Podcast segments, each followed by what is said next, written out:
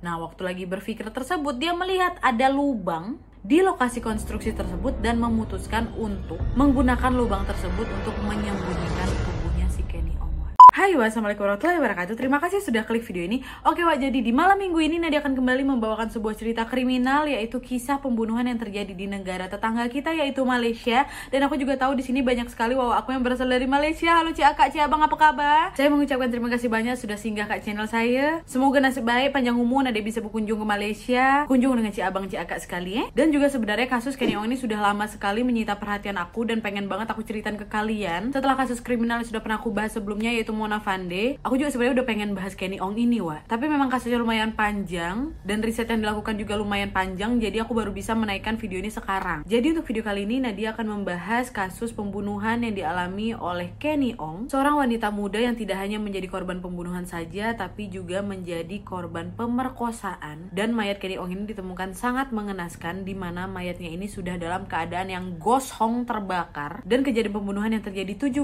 tahun ini sangat-sangat menyita perhatian malah Malaysia dan bahkan tidak pernah bisa dilupakan oleh masyarakat Malaysia sampai saat ini. Jadi gimana kisahnya? Check it out.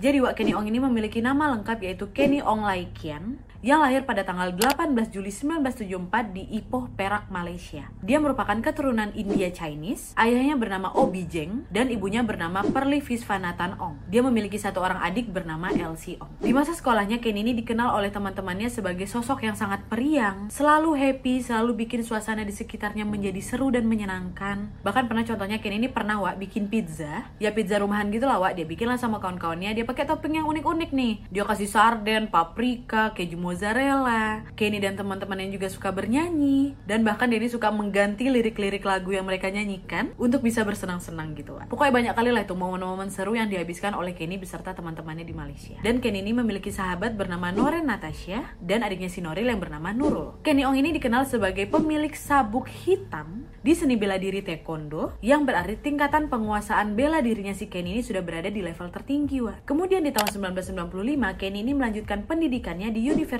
California Los Angeles di Amerika Serikat. Kemudian setelah lulus dari kuliahnya dia bekerja di sebuah perusahaan IT di Amerika sebagai ahli IT dan sukses di sana wah. Dan di tahun 2000 Kenny Ong ini bertemu dengan seorang laki-laki bernama Brandon Ong. Mereka dekat, pacaran dan setahun kemudian mereka memutuskan untuk menikah di Malaysia. Setelah mereka menikah di Malaysia, mereka pun memutuskan untuk tinggal di San Diego, Amerika Serikat. Kehidupan mereka bahagia wak di sana. Gak pernah cekcok, mereka saling melengkapi, romantis lah gitu. Terus di tahun 2003, Kenny Ong ini mendapatkan telepon dari ibunya di Malaysia yang memberitahu Kenny Ong bahwa ayah ini sakit kanker wak. Dan kondisi ayahnya sangat buruk pada saat itu. Kenny Ong yang tahu ayah ini sakit turut panik dan dia ini berusaha mencari penyakit ayahnya di internet. Dan setelah itu dia barulah menyadari bahwa betapa langka dan bahayanya penyakit yang dialami oleh bapaknya ini. Setelah mengetahui informasi tersebut, Kenny Ong pun meminta izin kepada Brandon Ong suaminya untuk bisa pulang sementara ke Malaysia karena bagi Kenny Ong keluarganya ini nomor satu dan harus diutamakan sehingga dia meminta izin pada suaminya supaya bisa menjaga ayahnya ketika sakit dan Brandon Ong pun mengizinkan tapi si Brandon ini nggak bisa ikut wak karena kerja. Dah pergilah ini dia ke Malaysia kan wak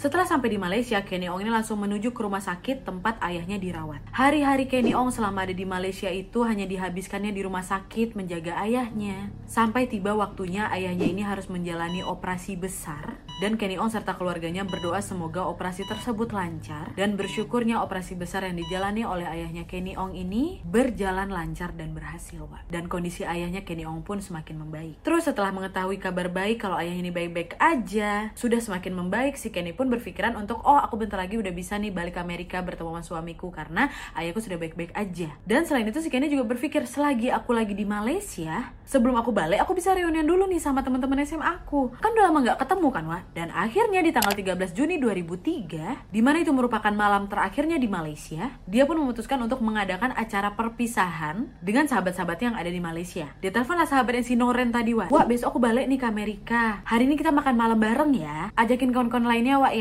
Terus kata Noren, oke Wak, kita makan-makan di mana? Ya udah nanti ketemuan yang kita. Aku mau ngajak kalian makan-makan di Bangsar Shopping Center atau BSC. Ah iyalah kata Noren kan. Diajaknya juga nih kawan-kawannya si Kenny Ong yang lain, Wak.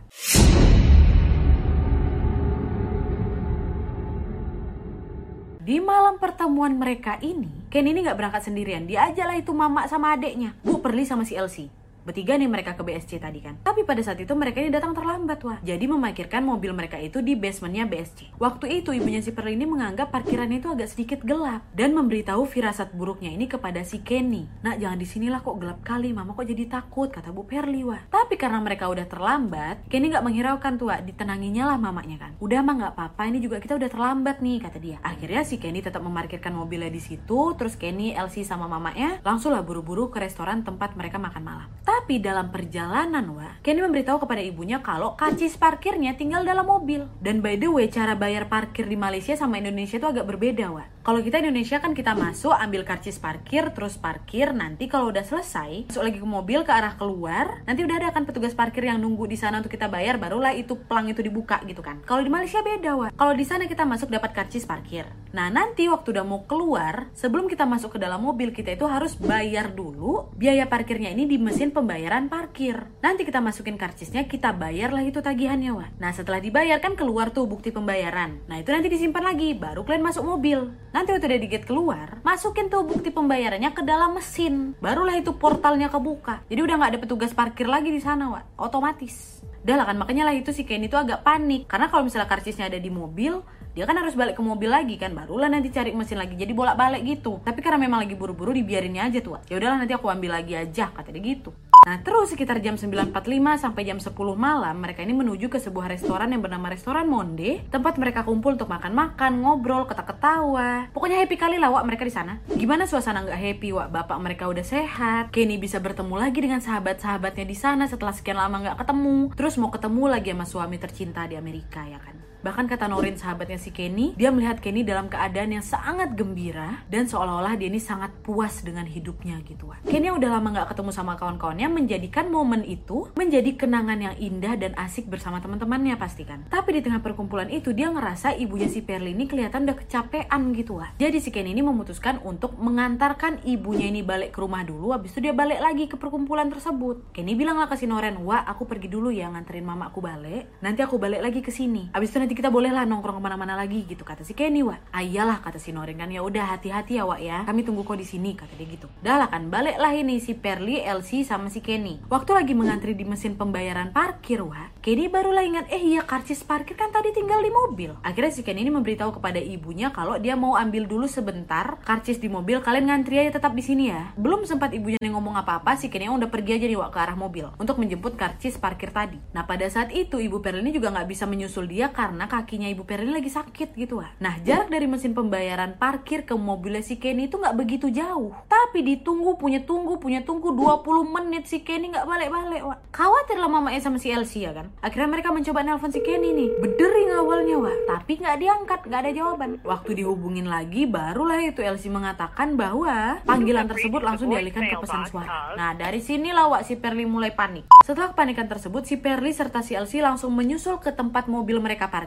dan waktu sampai di sana, mereka kaget ketika mereka mengetahui bahwa mobil Proton Tiara mereka yang berwarna ungu dengan plat WFN 6871 nggak ada di sana, Wak. Dan Kenny juga tidak kelihatan di sana. Makin panik lah Mama E sama si Elsie ini kan. Langsung mereka balik lagi ke restoran, dia kasih tahu sama kawan-kawannya si Kenny kalau si Kenny hilang beserta mobil mereka. Semua sahabat Kenny mencoba menelpon Kenny, namun semua panggilan mereka tersebut dialihkan ke pesan suara. Dan pada saat itu si Norin, sahabatnya si Kenny ini mengatakan, nggak mungkin kalau si Kenny ini hilang gitu aja. Apalagi dia tahu ibunya lagi nungguin dia. Karena kalian tahu kan si Ken ini selalu mengutamakan keluarganya. Nggak mungkin dia tinggalin ibunya yang lagi dalam keadaan kecapean tersebut, main pergi gitu aja nggak mungkin. Nah pada saat ditelepon tuh masih nyambung, wak masih berdering. Tapi kemudian handphone tersebut dimatikan, nggak aktif lagi. Nah pada saat itulah semua makin risau. Nah di sana si Perli juga menyadari bahwa pasti banyak CCTV yang dipasang di sekitar tempat mobil mereka diparkir. Dan akhirnya mereka langsung bergegas meminta bantuan petugas keamanan dengan harapan mereka bisa mengetahui di mana keberadaan si Kenny.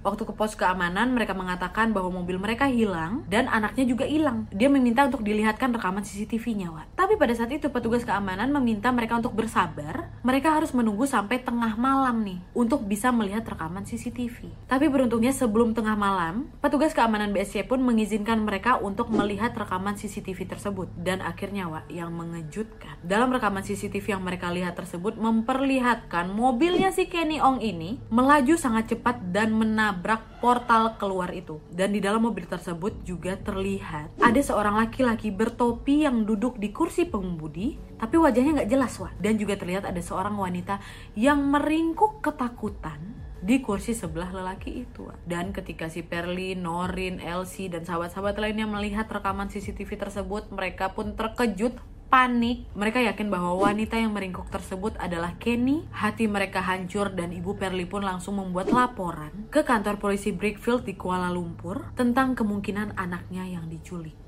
Perli dan Nurin juga nggak diem gitu aja, Wak. Sehabis membuat laporan ke polisi, mereka berusaha di malam itu langsung berkeliling Kuala Lumpur dengan harapan bisa menemukan Kenny Ong ataupun mobilnya. Dan di saat yang sama itu juga Brandon Ong, suaminya si Kenny Ong, yang sebelumnya belum mengetahui kalau istrinya ini hilang, memang terus mencoba menghubungi Kenny Ong, Wak. Karena kan udah malam, apa kabar nih istri aku udah balik apa belum kayak gitu dia belum tahu nih kalau misalnya istrinya diculik. Karena nggak ada kabar nggak ada kabar Brandon mencoba menghubungi mama sama adik iparnya tapi juga nggak ada jawaban. Ya mereka kan panik lagi nyari si Kenny Ong kan. Akhirnya si Norin inilah yang menghubungi Brandon Ong dan mengatakan bahwa Kenny Ong menghilang. Dia diculik. Brandon Ong yang mendengar kabar itu pun histeris panik juga dia di sana. Wak mana dia di Amerika lagi ya kan? Akhirnya setelah melakukan pencarian di malam itu pencarian dari si Perli Norin dan sahabat-sahabat yang lainnya tidak membuahkan hasil. Sampai jam 4 pagi Perli Norin Elsie dan sahabat-sahabat lainnya sudah merasakan keletihan dan juga bimbang. Terpaksa harus pulang ke rumah masing-masing dengan tangan kosong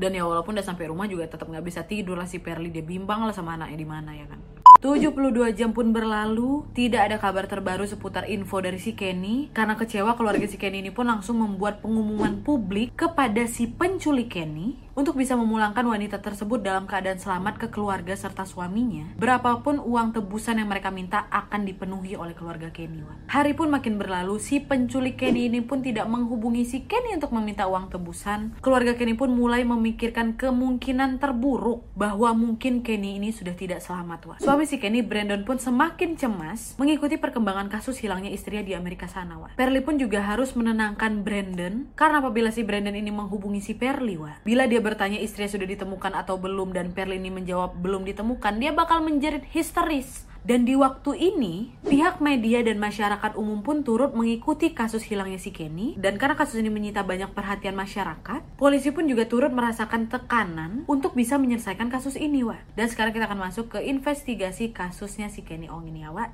Check it out.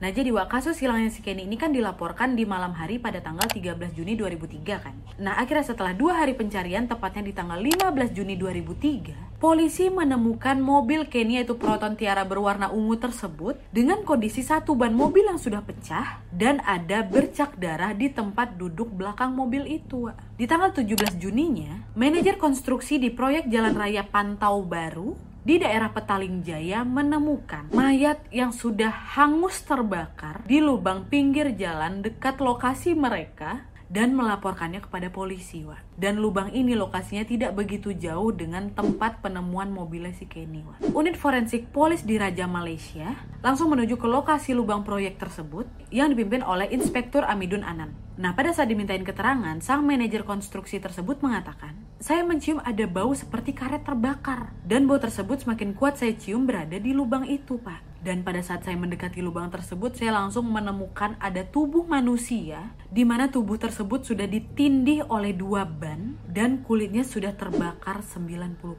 Pak. Dan dia mengatakan siapa pun yang membuang mayat di sini pasti bertujuan untuk menghilangkan identitas mayat jadi susah dikenali. Dan setelah diperiksa wak, keadaan mayatnya ini sudah sangat-sangat mengenaskan. Nih maaf nih ya, pinggang ke bawah udah hancur Bahkan bagian lutut sampai bawah udah nggak ada lagi. Wah. Ini yang sebenarnya membuat Inspektur Amidon tadi merasa sedikit aneh karena dia melihat kedua tangan mayat tersebut terikat. Sejam kemudian, lokasi penemuan mayat itu pun langsung dikerubunin oleh wartawan dan langsung masuk ke pemberitaan nasional. Waktu itu identitas si mayat ini belum diketahui. Tetapi kepala Departemen Investigasi Kriminal di sana mengatakan kemungkinan mayat tersebut adalah Kenny Ong yang sudah dilaporkan hilang beberapa hari yang lalu. Namun penyelidikan akan terus tetap dilakukan untuk mengetahui identitas sebenarnya dari mayat tersebut. Dan kemudian mayat tersebut pun langsung dibawa ke Pusat Perubatan University Malaya untuk diotopsi. Nah, untuk memulai identifikasi resmi mayat ini, yang diduga adalah si Kenny, pihak rumah sakit memanggil dua sahabat Kenny, yaitu si Nuren dan adiknya Nurul,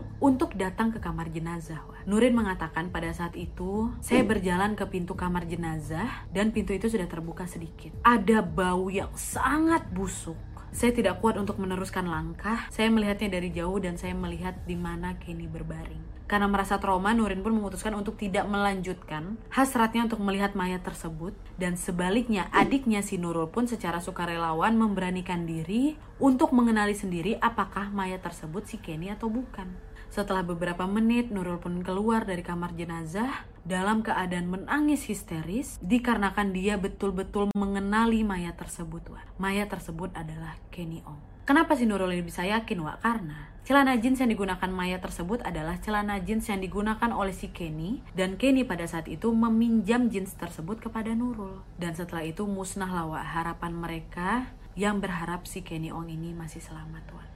Dan setelah penemuan mayat tersebut, akhirnya orang tuanya si Kenny langsung dikabarin. Dan untuk memastikan mereka pun langsung melakukan uji DNA. Mereka juga membenarkan bahwa baju yang dikenakan oleh mayat tersebut dan hasil dari susunan gigi juga DNA membuktikan bahwa mayat tersebut adalah Kenny. Dan dari hasil penyelidikan forensik yang dilakukan, ada bekas cairan sperma di alat kelamin mayat tersebut. Berarti sebelum dibunuh, Kenny Ong ini sempat diper duluan. Dan setelah kejadian ini, polisi pun menyimpulkan bahwa pelaku kejahatan ini begitu pintar. Karena cara-cara yang dipakainya untuk melenyapkan korbannya ini begitu pintar dan lancar.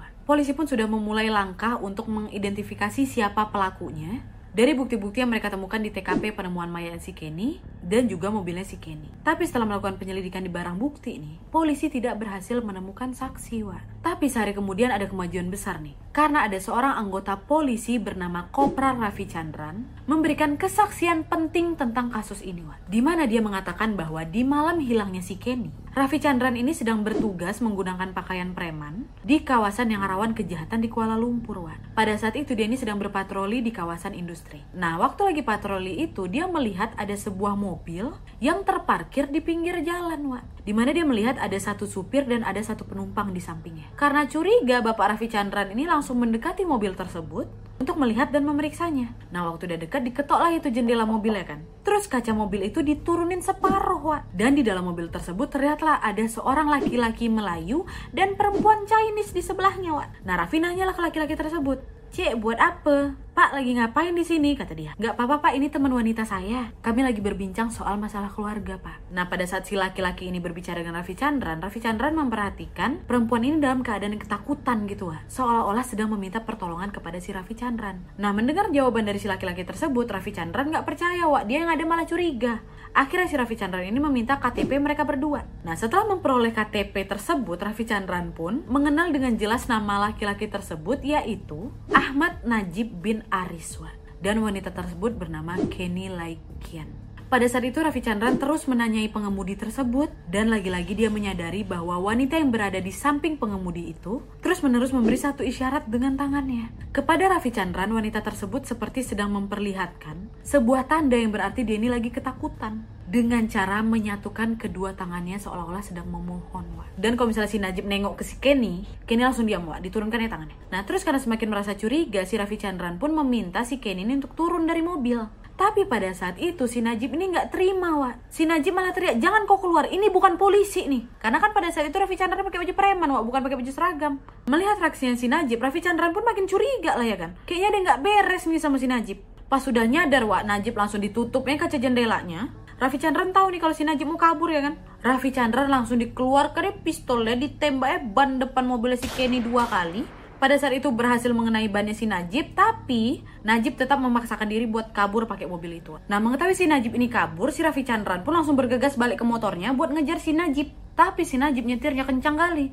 Jadi akhirnya Raffi Chandran pun gagal mengejar mobilnya si Najib, Wak. Mobil Proton ungu itu pun langsung lenyap dari pandangannya si Raffi Chandran tapi dia masih memegang dua KTP orang yang dalam mobil itu. Dan dari kesaksian Raffi Chandran inilah polisinya akhirnya tahu siapa yang sudah menculik dan membunuh Kenny Ong, yaitu Ahmad Najib bin Ariswa. Dan di hari pemakaman Kenny Ong, banyak juga masyarakat Malaysia yang turut datang ke pemakamannya untuk menunjukkan simpati mereka kepada keluarganya Kenny Ong. Dan upacara pemakamannya Kenny Ong ini dilakukan di Gereja Xavier di daerah Petaling Jaya. Suami Kenny Ong pun terbang dari Amerika ke Malaysia dengan keadaan yang sangat sedih, Wan. Nurin berkata bahwa Brandon terus memegang peti matinya si Kenny Ong.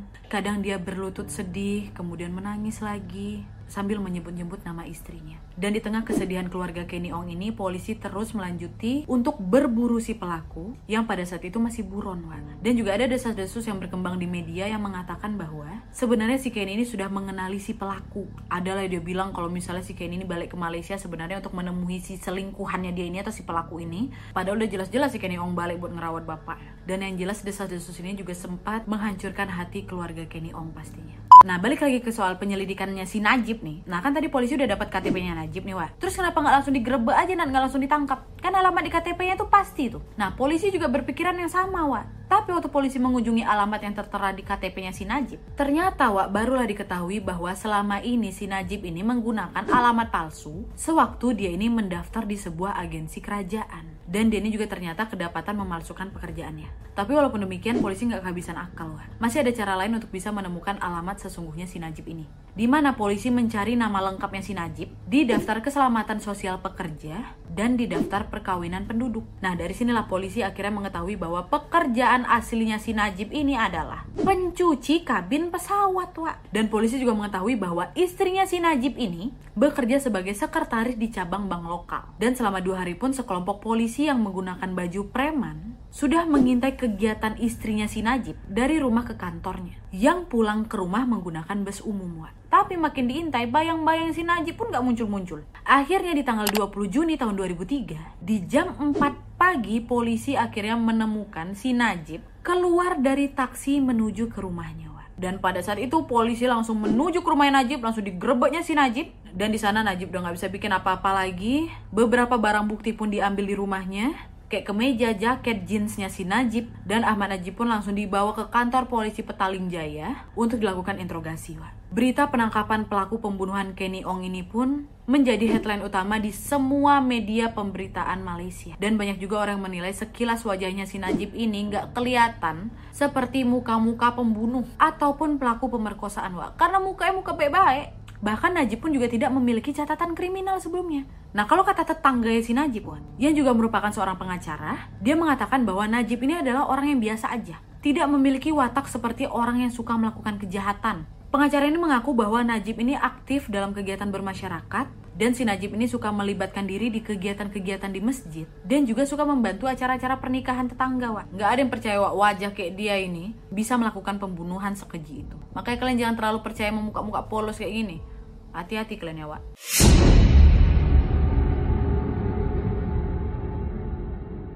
Nah, Wak, polisi yang menyelidiki si Najib ini menyadari kalau si Najib ini sepertinya sudah tahu kalau suatu hari nanti dia pasti akan dihadapkan keadaan seperti ini. Jadi nggak kayak pelaku-pelaku kejahatan lainnya, Wak. Yang biasanya gugup ketika ditanya polisi ataupun gelisah. Dia nggak, Wak. Si Najib ini malah tenang. Dia bisa menguasai keadaan. Dan dia ini hanya mau berbicara kepada Kepala Departemen Investigasi Kriminal, yaitu Tuan Haji Abu Bakar Mustafa. Di mana pada saat itu Pak Abu Bakar ini mengatakan, dia ini nggak kayak orang biasanya yang pasti akan mengatakan tidak, saya tidak melakukan itu. Saya nggak terlibat, saya nggak salah. Dia nggak ngomong kayak gitu. Saya melihat Raud ini sangat tenang, biasa aja, kayak nggak ada salahnya gitu. Setelah akhirnya ditekan terus menerus oleh polisi dengan bukti-bukti yang sudah tidak bisa disanggah lagi oleh si Najib, akhirnya Najib mengakui semua perbuatannya dan kesaksiannya ini sudah dicatat oleh tim kepolisian di mana pada tanggal 13 Juni 2003 itu Najib ini melihat si Kenny Ong menunduk di mobil untuk mencari sesuatu karena Kenny Ong kan lagi cari karcis parkir kan. Nah setelah melihat itu Najib tidak melewatkan kesempatannya di mana dia langsung mendorong Kenny Ong ke dalam mobil dan langsung masuk ke dalam mobil si Kenny Ong. Kemudian langsung dinyalakan mobil, langsung lah itu ditancapnya gas dan menabrak portal di tempat parkir. Nah itulah yang ditengok sama keluarga si Kenny di CCTV wa. Nah setelah pergi dari BSC itu, dalam perjalanan si Najib ini mengancungkan pisau ke perutnya si Kenny sambil mengancam kalau kau berteriak, kalau kau minta bantuan ku bunuh kau, kata si Najib. Dan setelah kabur tersebut, Najib pun memberhentikan mobilnya itu di daerah kawasan industri di pinggiran kota Kuala Lumpur. Nah di sinilah baru memang si Najib ini ketemu sama Kopral Raffi Chandran tadi. Nah itulah baru ada cekcokan yang tadi tuh, barulah dia berhasil lagi lari dari Raffi Chandran kan. Nah karena memang mobil yang dikendarai oleh si Najib ini udah nggak betul, kan udah ditembak tuh bannya sama si Raffi Chandran. Akhirnya si Najib memutuskan untuk menghentikan mobilnya di kawasan konstruksi tadi. Nah di situlah Wak sekitar jam 1 sampai jam 5 pagi di tanggal 14 Juni 2003 si Najib memper si Kenny Ong. Wak. Ternyata nggak cuma sekali aja Wak diperkosa si Kenny Ong, dua kali. Setelah dia memperkosa si Kenny Ong di lokasi pertama, Najib pergi ke tempat sepi lagi Wak, diperkosa lagi di sana. Dan setelah memperkosa dua kalinya ini, si Najib juga menusukkan pisau di perutnya si Kenny Ong sebanyak dua kali Wak. Dan di sinilah Kenny Ong mulai mengalami pendarahan hebat. Aduh. Najib, Najib. Dan pada saat itu Najib mengatakan kepada petugas investigasi bahwa pada saat itu Denny sudah mulai panik dan memutuskan untuk membuang wanita yang hampir mati ini. Wak. Jadi dia mengangkat badannya si Kenny Ong yang berada di kursi belakang mobil tersebut ke dinding yang memisahkan jalan di lokasi konstruksi itu. Dah akan dikeluarkanlah itu badannya si Kenny Ong, disandarkanlah itu tubuhnya ke dinding tersebut. Sambil dia memikirkan apa yang harus dilakukan selanjutnya nih. Nah, waktu lagi berpikir tersebut, dia melihat ada lubang di lokasi konstruksi tersebut dan memutuskan untuk menggunakan lubang tersebut untuk menyembunyikan tubuhnya si Kenny Ong. Diikatnya lah tangannya si Kenny Ong dan menyumpal mulutnya si Kenny Ong dengan kain, kemudian menyeret wanita malang ini ke dalam lubang. Kemudian Najib juga sempat membetulkan posisi tangannya si Kenny Ong ini di atas dada Kenny Ong dan dia baliklah nih Wak ke rumahnya di pagi-pagi buta itu. Kejadian itu di pagi-pagi buta tuh. Si Kenny waktu itu masih hidup Wak, masih.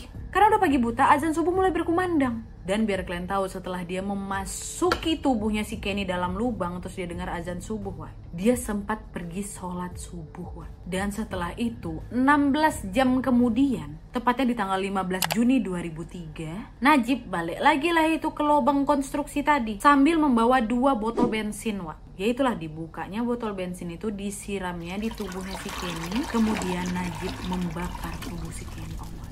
Dan akhirnya pada tanggal 15 September 2003, Ahmad Najib pun dibawa ke Mahkamah Tinggi Petaling Jaya atas pembunuhan yang dilakukan kepada Kenny Ong pada pagi tanggal 14 Juni 2003 itu. Dan sebenarnya juga ada pro kontra dari kasusnya si Najib ini, di mana tim pengacara Najib ini mengatakan bahwa Najib tidak bersalah, di mana mereka meragukan rekaman CCTV yang mengatakan bahwa itu Najib, wah. Karena gambarnya kabur nggak tajam dan sulit mengidentifikasi siapa laki-laki yang ada di CCTV tersebut. Dan selain itu tim pengacara juga menganggap Kenny Kenny Ong kan memiliki sabuk hitam di seni bela diri taekwondo, yang mana itu adalah level tertinggi. Kenapa dia tidak mencoba melawan si Najib atau melepaskan diri? Tapi pembelaan tim pengacara ini pun langsung dibantah sama jaksa penuntut umum di mana mereka mengatakan, memang rekaman CCTV itu kabur nggak jelas. Mau dibesar kayak mana juga tetap nggak jelas, Wak. Tapi noda darah yang ada di kemeja dan jeansnya si Najib itu adalah darahnya Kenny Ong. Tes DNA yang membuktikan ini. Kedua, cairan sperma yang berada di alat kelaminnya si Kenny Ong terbukti itu adalah miliknya si Najib. Ketiga kalau misalnya dikatakan kenapa si Kenny nggak ngelawan, kau kan punya sabu hitam, weh,